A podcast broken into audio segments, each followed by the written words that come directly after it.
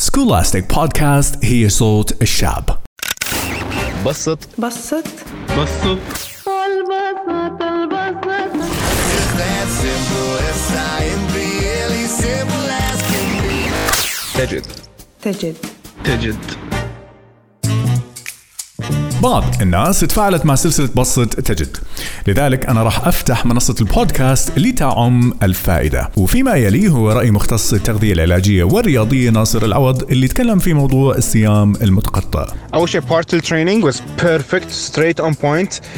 بارت النيوتريشن اللي هو الصيام متقطع. your what you said was uh, generally okay except for two points number one is uh, athletes اذا كان واحد يتمرن خلينا نقول مو professional athletes I know انت كان general topic ان حق general people for the general people if they work out ال- الصيام متقطع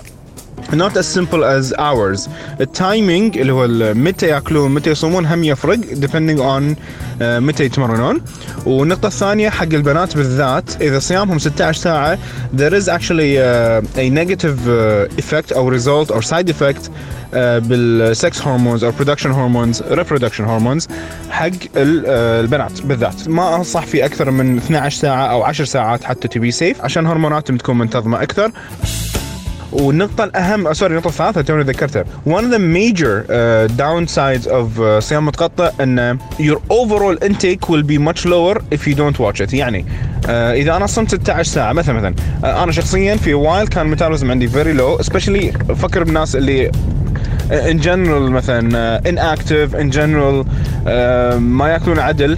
فتكنيكلي الميتابوليزم عندهم low so شنو راح يصير معاهم they will fast for uh, 16 hours بعدين بال 8 hours they will not eat enough راح يكونون under eating تلقاهم يمكن ياكلون 1000 calories or less ال 8 hours are not enough to get in enough calories واذا عبيت غصبا عليه 2000 calories مثلا for for uh, average meal uh, ما راح يقدر يتعامل فيهم ب 8 hours as much as مثلا 12 hours so يعتمد على نوع الجسم يعتمد على روتينه يعتمد على الاكتيفيتي level as well so being active is number one number two check your body type and check اذا كان female or male يفرق عدد الساعات uh, in general ال- اذا كان active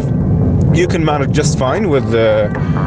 16-8 uh, or حتى 14 uh, 14-10 I do 14-10 for most people لأنه uh, ينطبق على الشباب والبنات uh,